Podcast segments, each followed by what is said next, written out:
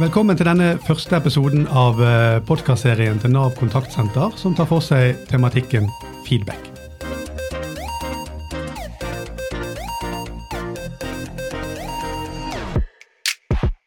I denne serien skal vi prate mye om tilbakemeldinger, og vi skal prate om refleksjon, og ikke minst hvordan det henger sammen med læring og med utvikling. Mitt navn er Cato Lorentz, og jeg leder denne podkasten sammen med min kollega Kjetil Fosse. Vi har kalt denne episoden for Hva er en feedback, og hvorfor er det viktig å gi en feedback? Og For å få noen gode svar på disse spørsmålene, så har vi vært veldig heldige. Vi har fått en skikkelig kapasitet av en gjest i studio. Han er professor ved Handelshøyskolen BI. Hjertelig velkommen skal du være, Anders Dysvik. Tusen takk skal du ha, og takk for invitasjonen. Bare hyggelig. Du, Vi har en tilmålt tid på 20 minutter, så vi, vi må hoppe i det. Eh, Anders, vi har kalt episoden 'Hva er feedback, og hvorfor er det viktig?' Så da, da begynner vi med det. Hva, hva, legger du i begrepet feedback? Ja, vi kan jo, Dette er jo litt sånn engelsk og snobbete. at Vi har brukt det, vi, vi har et ord på norsk også som heter tilbakemelding. og Det går jo egentlig på det å melde litt tilbake. At du får innsikt i hvordan andre oppfatter deg eh, og din atferd, og hva du gjør eller ikke gjør på jobben. Og så er det veldig viktig å merke her at det er jo andres oppfatninger som du får en tilbakemelding på, som gjerne skal oppfattes og forstås og fortolkes av deg selv eh, også. Så de som er i en relasjon på jobb eller på privaten, vet at dette med tilbakemeldinger eller feedback og det å på en måte bli enige om hva man har gjort eller ikke gjort, alt fra husarbeid til mer plikter i jobbsammenheng, eh, har potensial til å få både litt sånn misforståelser og litt sånn krevende ting. Så dette med tilbakemeldinger det er et veldig viktig område, men det er litt, også et eh, ganske komplekst område for ledere å forholde seg til. Og for å være litt sånn akademisk innledningsvis og legge det til litteraturen, så sier jeg gjerne at vi, vi skiller mellom det vi kaller resultatorienterte tilbakemeldinger og prestasjonsorienterte tilbakemeldinger. Resultatorienterte tilbakemeldinger er gjerne i form av tall, altså hva man har levert, hva man har eh, gjort. Eh, I koronatiden kan man si at en resultatorientert tilbakemelding er at man går på vekta og innser at den har økt med 5-10 kilo. Og det står glassklart foran en at her eh, foreligger resultatet av din koronaperiode. Det er en resultatorientert tilbakemelding. Mens en prestasjonsorientert tilbakemelding som jeg tror vi skal fokusere litt på i dag, fordi da er det mer atferden som ligger til grunn for resultatet. Hva har du gjort eller ikke gjort for å kunne prøve å oppnå noe spesifikt? Og det man da kan heldigvis korrigere mer på, er jo nettopp atferden. Så Det første rådet og avklaringen som vi må gi, er jo dette her med hva er tilbakemelding. Tilbakemelding er jo i første rekke å bli litt bevisst egen atferd, og kanskje litt hvordan den påvirker andre. Eh, og Det andre vi da skal gi råd til disse lederne på, det er at fokuser i første rekke på prestasjon blant de ansatte, og i mindre grad resultat. Jeg sier mindre grad resultat, og da erter jeg sikkert noen på meg allerede, fordi vi lever jo av resultater. Men, men poenget er at det blir mye lettere å forbedre resultatene dersom dersom vi jobber systematisk med prestasjonen. Og I vekteksempelet jeg nevnte innledningsvis, så er jo prestasjonen nettopp eh, brutal. Tren litt mer, eh, men ikke minst spis litt mindre og litt mer sunt. Ja, eh, veldig godt svar, og, og en fin måte å eksemplifisere det på. Jeg har lyst til å spørre videre hvorfor det er viktig å Vi skal jo snakke om feedback i denne podkastserien. Og hvorfor det er viktig. Hvorfor er det så viktig å ha fokus på, på å skape en god tilbakemeldingskultur, eller å legge til rette lette for tilbakemeldinger på en arbeidsplass. Hva får vi ut av det? Jo, altså, Når man ser på hva som egentlig fremmer eller gjør at folk presterer på jobb, så er det en del ting som vi vet allerede fra forskningen. Vi vet bl.a. at scorer du over gjennomsnittet på det som kalles intelligens, som er et komplekst område, så er sannsynligheten mye større for at du kan levere en bedre jobb. Vi vet også at personlighetstrekk som samvittighetsfullhet og pliktoppfyllende og sånne ting er, er viktig blant ansatte. Men, men, det som er veldig fint med, med, feedback, det er at dette er noe som er dynamisk og som er konkret, og som egentlig alle kan ta til seg.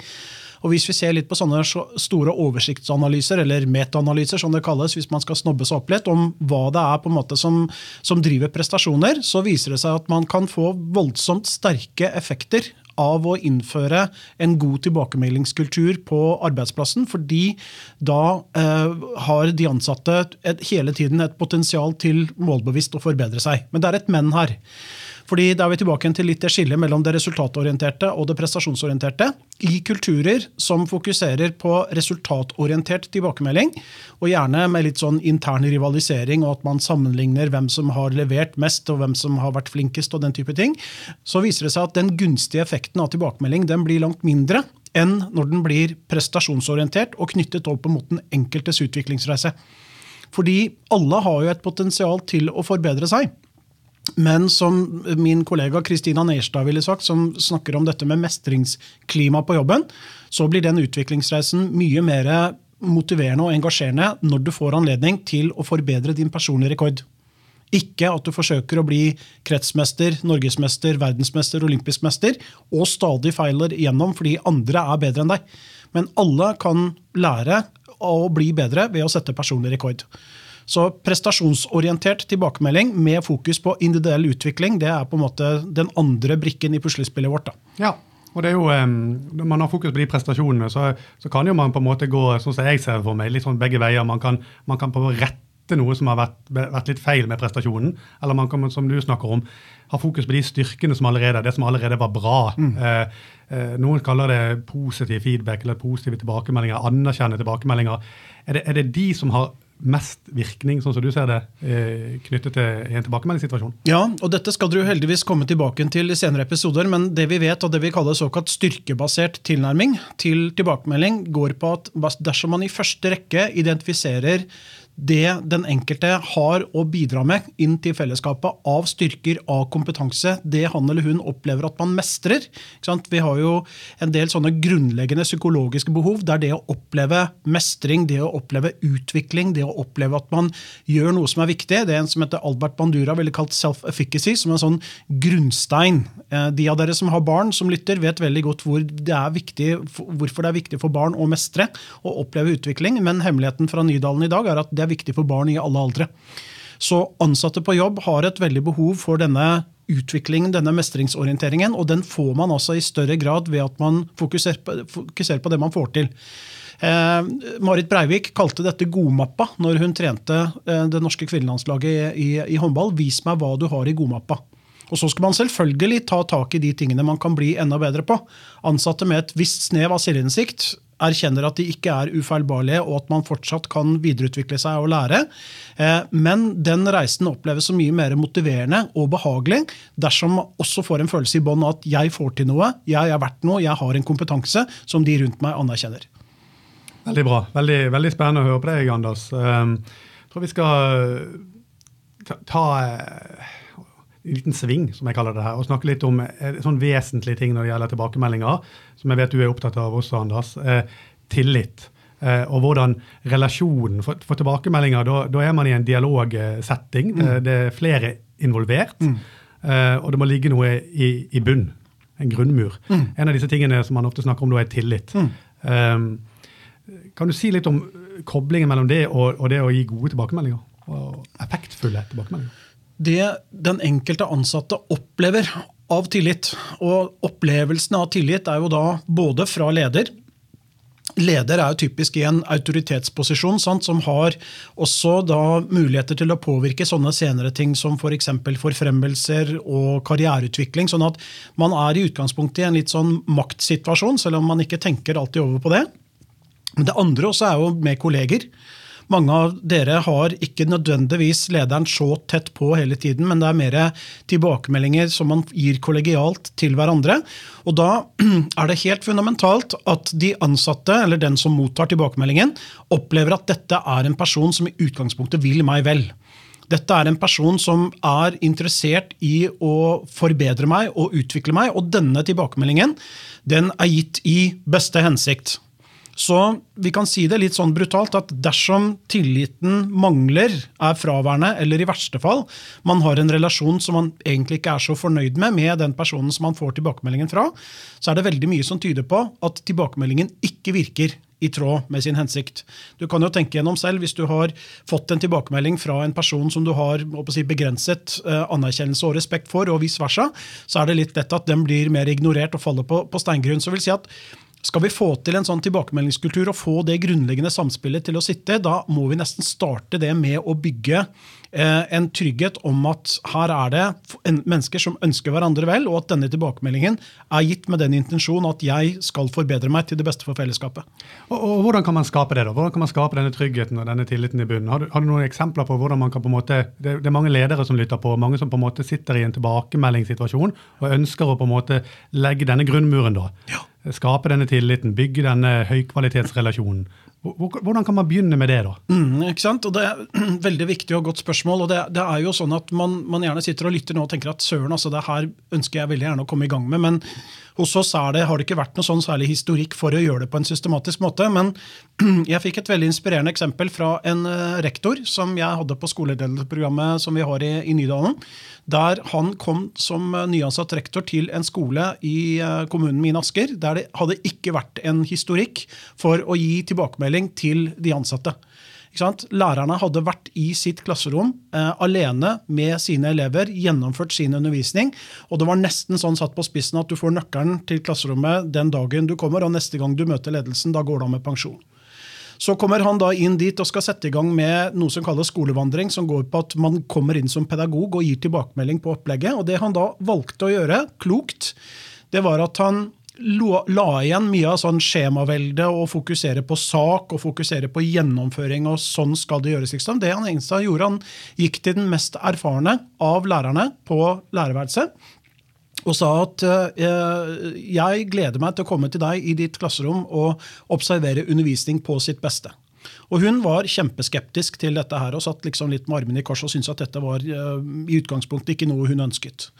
Og Han var til stede da denne timen, eh, og hun satte seg ned etterpå med han. og Det han da hadde gjort i løpet av den timen han observerte, det var at han bare, hadde bare notert ned det han definerte som konstruktive, positive styrker ved henne og hennes undervisningspraksis.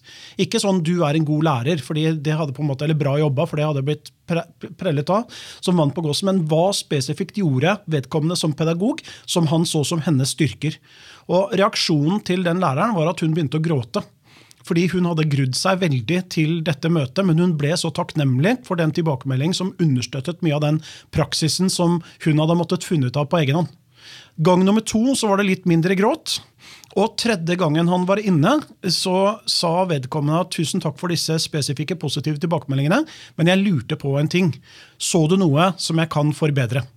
Og som rektor sa, Da begynte egentlig den prosessen hos oss. fordi Da hadde tilliten blitt etablert mellom læreren og meg, og da kunne vi gå videre med oss også se på forbedringsområder. Og Den andre bieffekten bare nevne det kort også, er jo at da var det plutselig kø utenfor rektors kontor, for andre lærerne hadde hørt om hvor positivt og spesifikt det var å få rektor på besøk, og det ønsket de også. Og etter hvert ble det også en kultur for at de kom på besøk hos hverandre, så ikke rektor ble helt overarbeidet. Så det lar seg gjøre, men det, den viktige reisen denne tillitsbyggingen, den starter da gjerne med å fokusere på spesifikke positive bidrag. Ja, og det det er jo kjempespennende å høre at eh, litt sånn strukturert måte å jobbe på i forhold til å gi positiv tilbakemelding eh, faktisk fører til at vedkommende kommer og ber om korrigerende tilbakemeldinger. Er, er, det, er det en effekt som du tror er var et engangstilfelle her, eller er det det vi får når vi, når vi på en måte jobber med anerkjennende tilbakemeldinger over tid? Det er en som heter uh, Kramer, som da er uh, kreativitetsforsker. og Hun har altså da Teresa Amibele, unnskyld, og hun har skrevet en bok som heter The Progress Principle. Og Hun sier at noe av det virkelig grunnleggende for oss mennesker, det er å oppleve at dette behovet for progresjon og utvikling, det blir tilfredsstilt så er det virkelig noe som er motiverende for oss, så er det å oppleve at vi får til ting, at vi mestrer nye ting, at vi blir stadig bedre på det vi gjør. Og Når vi da blir litt fanget av den mestringsopplevelsen, sammen med at vi har tillit rundt oss, og i tillegg vi jobber med arbeidsoppgaver som vi ønsker i større grad å jobbe med selv, det vi kaller behovet for autonomi, hvis man skal snobbe seg opp litt, da er de skal vi kalle det, tre grunnleggende psykologiske eh, behovene tilfredsstilt som ligger til grunn for at vi opplever noe vi kaller indre motivasjon motivasjon. Og når du virkelig blir indre motivert, da blir du litt sånn Carola, fanget av en stormvind her. ikke sant? Fordi Da kan du i prinsippet tilbringe ganske mange timer på jobb uten at du er bevisst at du er på jobb. For jobben blir såpass engasjerende at den gjør at man glemmer tid og sted. Og Da er du i en veldig veldig god sone utviklingsmessig. Ja, Det, det er kjempespennende. Jeg skulle gjerne pratet mer om indre motivasjon med deg, eh, men vi må, vi må respektere tiden. Så en ting jeg har lyst til å, å, å snakke med deg om, det er noe som, som, er veldig vanlig på mange arbeidsplasser. og det er jo fordi at Ofte sitter man i en situasjon på en arbeidsplass der en leder tenker at de har gitt en tilbakemelding til en medarbeider. Eh, de går sikkert hjem for dagen og tenker ja, jeg har gjort jobben min, jeg har gitt tilbakemeldinger. Og så sitter medarbeider med en helt annen eh, eh, tanke og mm. opplevelse av situasjonen som har mm. skjedd. Dette er ganske vanlig, ikke det? Jo, det er det, og det er et veldig etablert funn fra litteraturen helt tilbake på 80-tallet, der mange ledere i oppriktig beste mening sier at mitt ledersyn er at jeg praktiserer involverende ledelse, jeg stoler på mine ansatte, mine ansatte er en viktig ressurs. Når man da går til de samme ansatte som har en leder med den intensjonen bak, så svarer mange eh, ansatte at de opplever egentlig lederen sin som fraværende. Eh, og det kan forklares langs to akser, tror jeg. Eh, I hvert fall to. Det ene er jo at ofte har ledere et kontrollspenn som er optimistisk. Sant? Så La oss si at du er en leder som har oppfølgingsansvar for 25 medarbeidere. Da må du dele din ledertid på en brøk som er på en 25-del. Og så har du kanskje noen som er litt mer ivrige på å oppsøke deg og vil ha tilbakemelding fra deg enn andre. Og det andre er det at det å gi en tilbakemelding det krever en aktiv handling som blir oppfattet av en annen person på andre siden. Så bare at du sitter og tenker på de ansatte, gjør jo ikke da at de ansatte sier at 'oi, nå ble jeg fulgt opp', det var fantastisk. Så oppfordringen til de lederne som ønsker å øke de ansattes opplevelse av dette med å bli sett og få gode tilbakemeldinger, at legg det inn som en litt sånn systematisk plan i kalenderen. At nå tar jeg en kaffe, nå tar jeg en te, nå tar jeg en prat i disse dager, jeg tar en digital lunsj. Sånn at de ansatte opplever på jevnlig basis at dette er en leder som ikke stalker de, men det er en leder som oppriktig er ute etter å ta de og gjøre en god jobb. Ja, Kjempespennende. Det, det, fører meg til spørsmålet. for Jeg har lyst til å ta et eksempel. for Denne podkastserien er jo for Nav kontaktsenter. og De, de har gjort eh, et godt stykke arbeid allerede på Nav kontaktsenter knyttet til det å gi feedback og gi tilbakemeldinger. En ting er at de har satt det i system og jobber strukturert med det. Er det, er det litt sånn veien å gå, uansett hvordan man strukturerer det, så, så krever det en form for system, eh, og, og, ikke at det skal være opp til enkeltpersoner. Eh, på om tilbakemeldingene tilbakemeldingen blir god eller ikke på en arbeidsplass. Jeg tror det er veldig lurt å tenke helhetlig rundt dette her. Og det andre som det virker som de har vært gjennomtenkt rundt, det er jo at man knytter tilbakemeldingssituasjonen så nær opp til utførelsen av jobbfunksjonen som mulig. Sånn at ikke dette blir sånn nå skal vi sette oss ned i yogastilling og gi tilbakemelding til hverandre, men de får det spesifikt når de sitter på jobb og møter brukeren.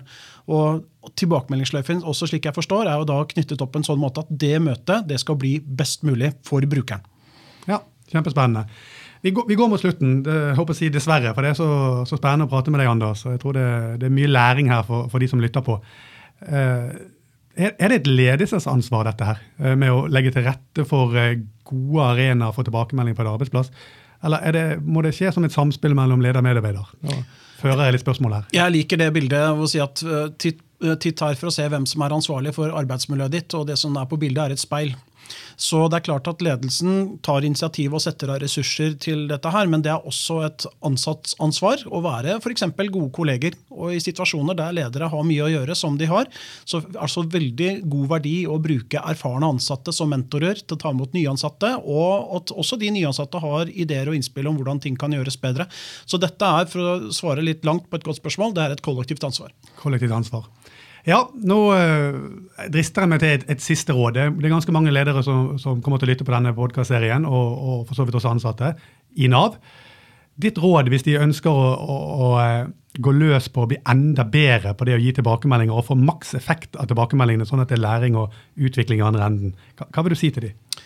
I et døtteskall, eh, når opplever du at du er på ditt beste ved å gi tilbakemelding? Noen er eh, gode på fag, da kan de også få litt støtte av noen som kanskje er litt gode til å forstå følelser og skjønne litt hvor personen er på andre siden av bordet. Og så at man da bygger tilbakemeldingskulturen rundt egne styrker først. Og så Rett og slett kan vi si det så enkelt at vær konstant ute eh, blant de ansatte når de er der, og vær, og vær ute til å ta de og gjøre en god jobb. Begynn den reisen med å lete etter styrker. Veldig bra. Ta de ansatte i å gjøre en god jobb. Det, det blir siste ord av, av, denne episoden av uh, denne podkastserien. Tusen takk, uh, Anders Dysvik, for at du tok deg tid til å være med oss i dag. Takk for at jeg fikk være med. Mitt navn er Cato Lorenz, og jeg leder denne podkasten sammen med Kjetil Fosse. Vi takker for at du lytter, og vi høres.